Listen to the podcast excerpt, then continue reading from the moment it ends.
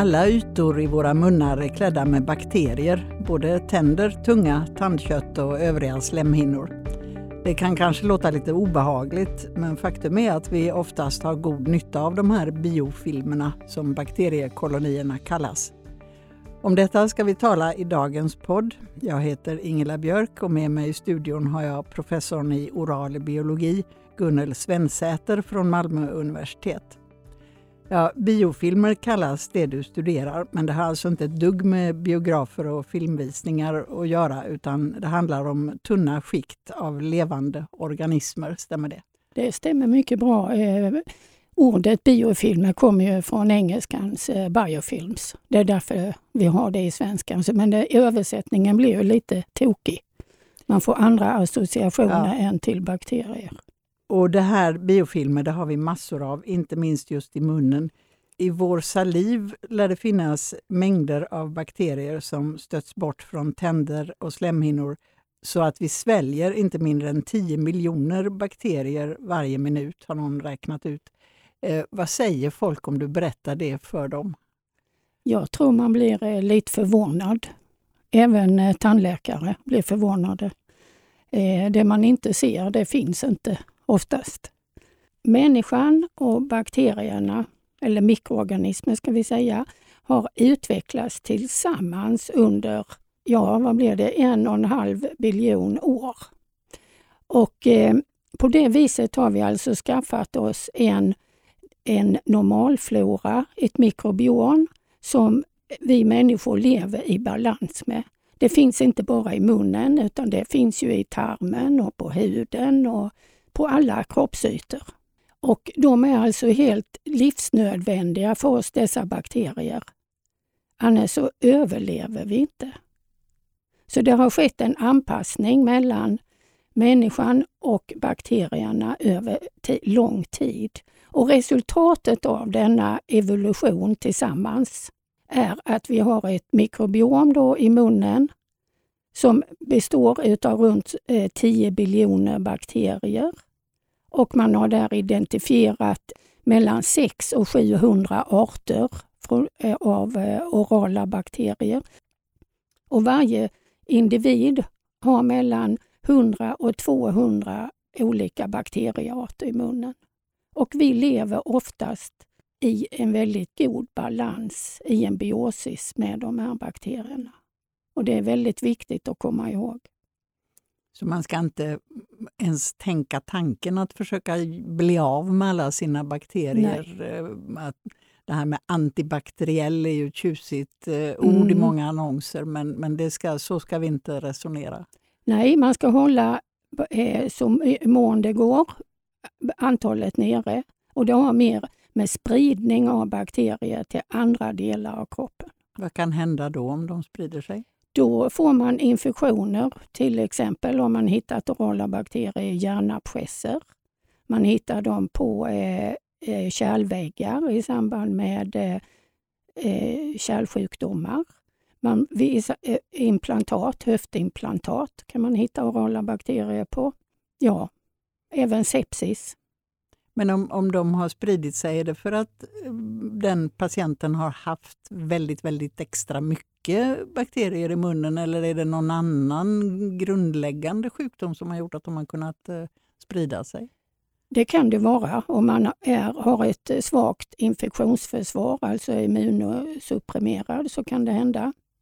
Men också eh, det som presenteras i litteraturen idag är att vid tandlossning så har man ju ett skadat epitel i tandköttsfickan.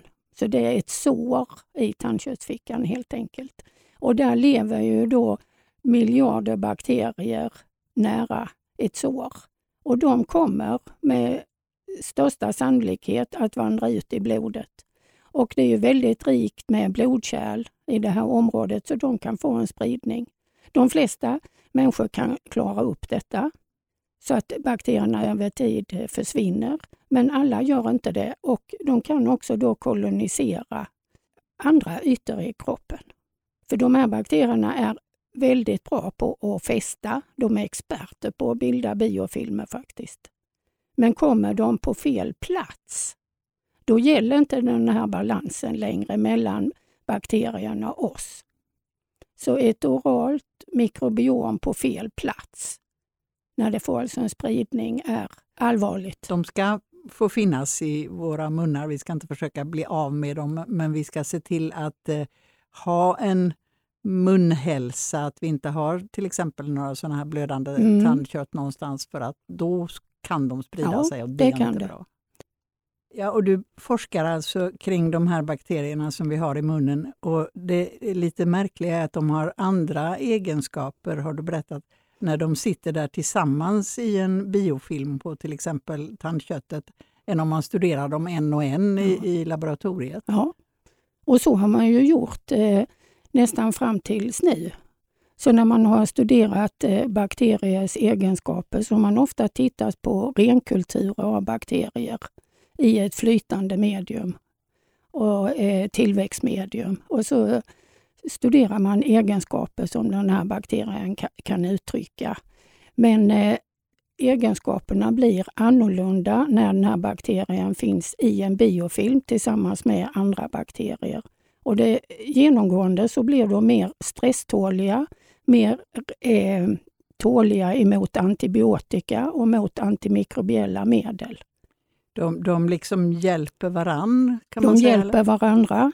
Och uttryck av eh, gener och proteiner hos den enskilda bakterien blir annorlunda i en biofilm än när de är i en lösning, fria i en lösning. Kan man säga att, att det eh, betyder att biofilmen är deras liksom naturliga miljö? Det är inte naturligt att studera dem som ensamma en och en? Exakt. Så deras naturliga miljö är att de lever tillsammans i samhällen, precis som människor gör. Så lever bakterierna i ett eh, socialt nätverk. Och eh, de har också tillgång till helt andra näringsämnen. I munnen får de leva på salivproteiner och proteiner ifrån vätskan som kom upp ifrån tandköttsfickan som innehåller många plasmaproteiner. Så salivproteiner och plasmaproteinerna är näringskällan i munnen för bakterier. Men om man odlar dem på laboratoriet så får de oftast tillgång till en buljong som är väldigt rik på näringsämnen. Det blir helt andra förhållanden. Och för att klara sig eh, och bryta ner de här stora proteinerna då från saliv och eh, plasma så måste bakterierna hjälpas åt. Man skulle ju väl i och för sig kunna tänka sig att man i laboratoriet studerade dem i saliv eller den här tandköttsvätskan också, men ja. det kanske inte har gjorts? Jo, det är, det är precis det som eh, förekommer idag. Så att man försöker skapa realistiska modeller över hur munhålan fungerar. Och allt det här har då betydelse för munhålans sjukdomar där ni är intresserade av framförallt karies och tandlossning.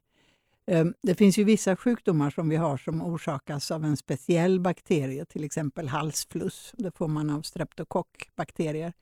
Ehm, men är, ni tror att det inte finns någon enstaka bakterie på det sättet som orsakar vare sig karies eller tandlossning, utan att det är hela miljön i biofilmen som är avgörande? Precis. Mycket bra formulerat.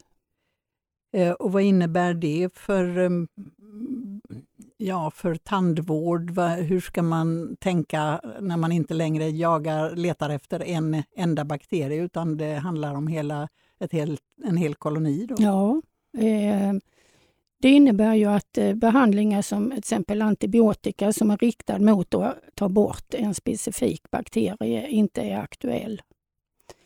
Utan eh, idag så grund, eh, ser man orsaken till sjukdomarna, både karies och parodontit, som ekologiska förändringar. Så det är alltså miljön som är förändrad i munnen. Parodontit är tandlossning? Precis. Eh, så att, ja, det, och det är inte generna hos de här bakterierna som är de här flera bakterierna då, som kan vara aktuella. Det är inte generna utan det är vilka egenskaper som finns hos bakterierna. Ja. Det är det som är det viktiga. Ja, och att de här eh, generna då eh, uttrycks. De uttrycks som egenskaper? Ja, precis. Och då kan man säga för karies så är den intressanta egenskapen är att en bakterie är syratolerant. Att den kan acceptera och fortsätta och ha en ämnesomsättning i en sur miljö. Det är det som egentligen är orsaken till karies. När en stor andel bakterier i biofilmen har den här egenskapen så kan man få en, eh, en skada på emaljen. Och samma sak gäller, eller inte samma, men för parodontit gäller att eh, eh då uttrycker bakterien proteaser, sånt som eh, enzymer som bryter ner proteiner.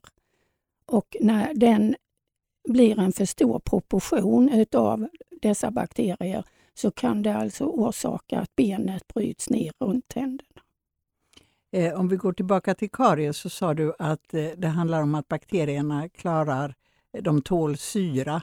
Men nu är vi ju vana vid att se på karies som att det har att göra med att man ätit för mycket socker och socker är sött och syra är surt. Så att mm, det här låter ju för lekmannen lite konstigt. Hur, eh, vad är det som händer med sockret så att eh, det blir syra istället? Ja, det bryts, socker bryts ju ner utav bakterierna direkt när det kommer in eh, sockermolekyler i biofilmen så, så är de orala bakterierna experter på att eh, ta hand om det här sockret.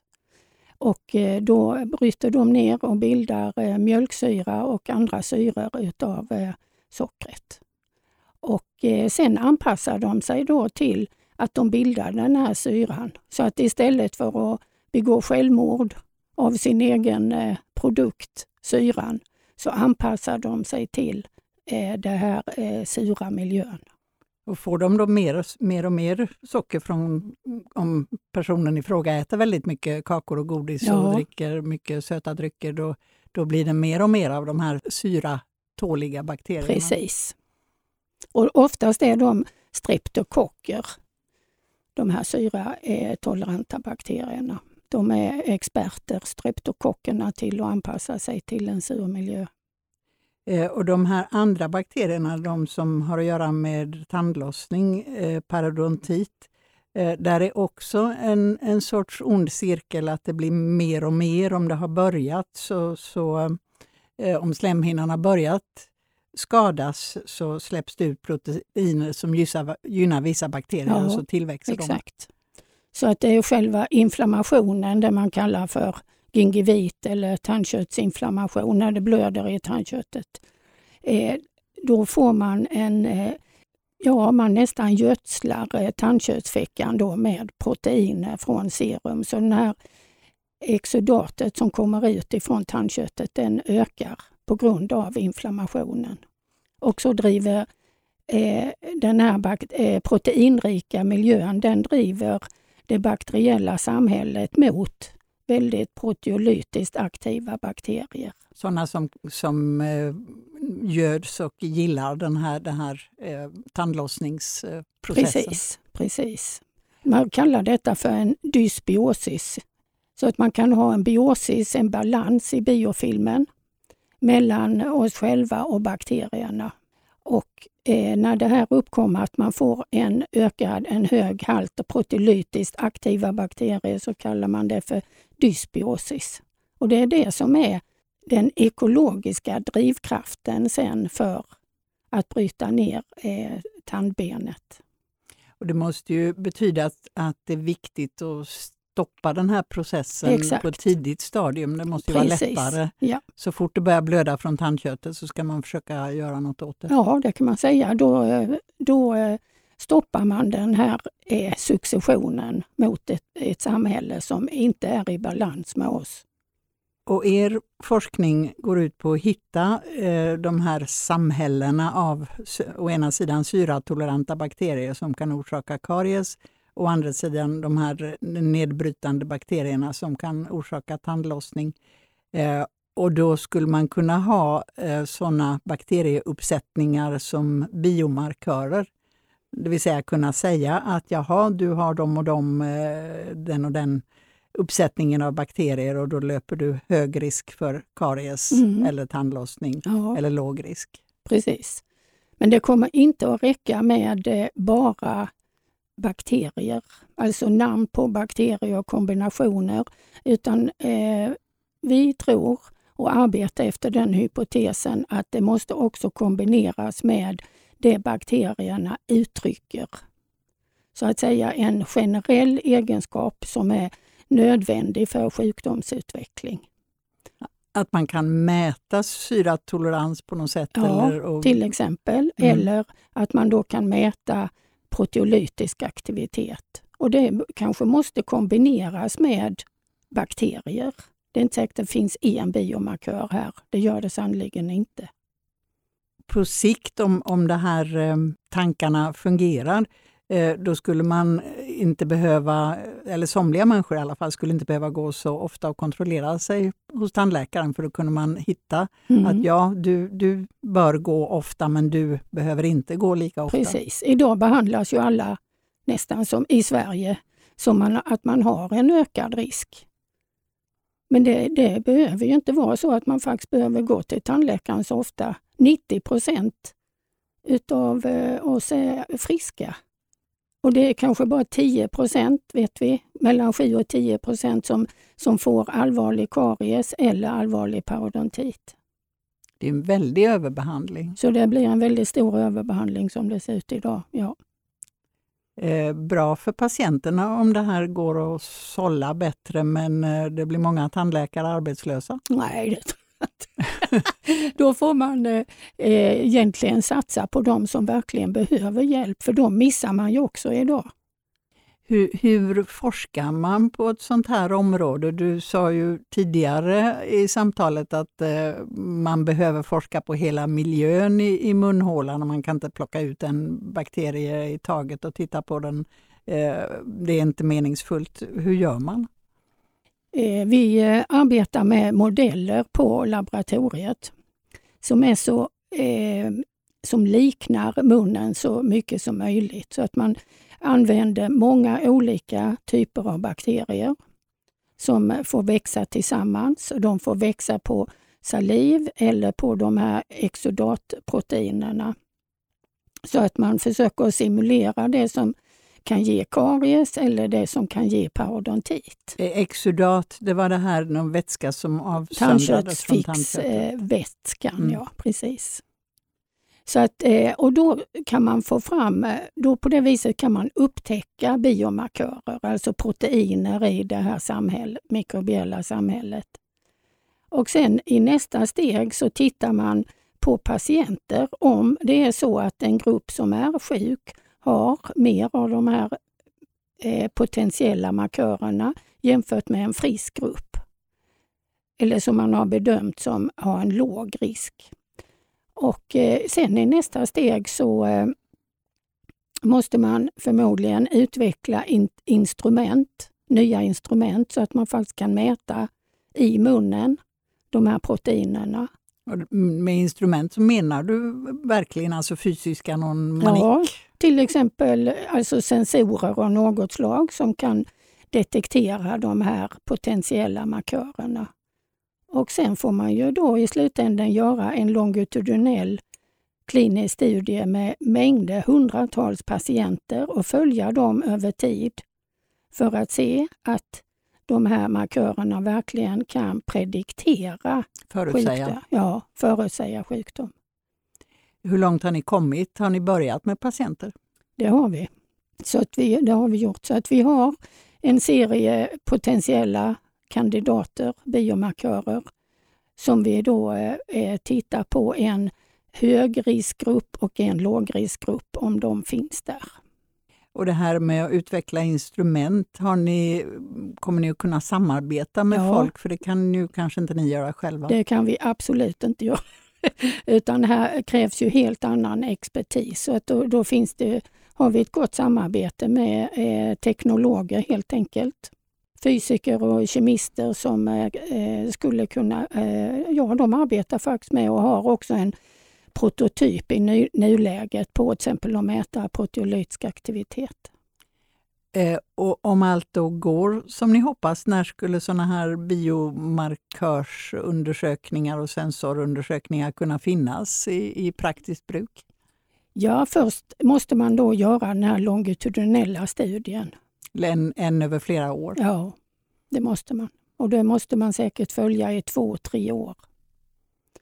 Så att, eh, men eh, kanske en sådan skulle kunna starta nästa år, eller 2020 i alla fall.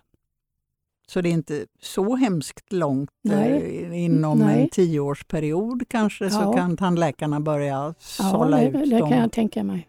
de patienter Under som... förutsättning att de här markörerna faktiskt går att validera, att de är riktiga så att säga. Det är ett spännande arbete som vi, vi alla tandpatienter ser fram emot. Eh, i- Och i bästa fall behöver vi inte gå till tandläkaren lika mycket som, som hittills. Precis. Ni har eh, lyssnat på en podd om eh, biofilmer i munnen med professorn i oral biologi från Malmö universitet, Gunnel Svensäter. Tack för att du kom. Tack så mycket. Du har lyssnat till en poddserie om forskning som produceras av redaktionen vid Vetenskap och hälsa. Mer information finns på vetenskaphalsa.se. Du kan också följa oss på sociala medier.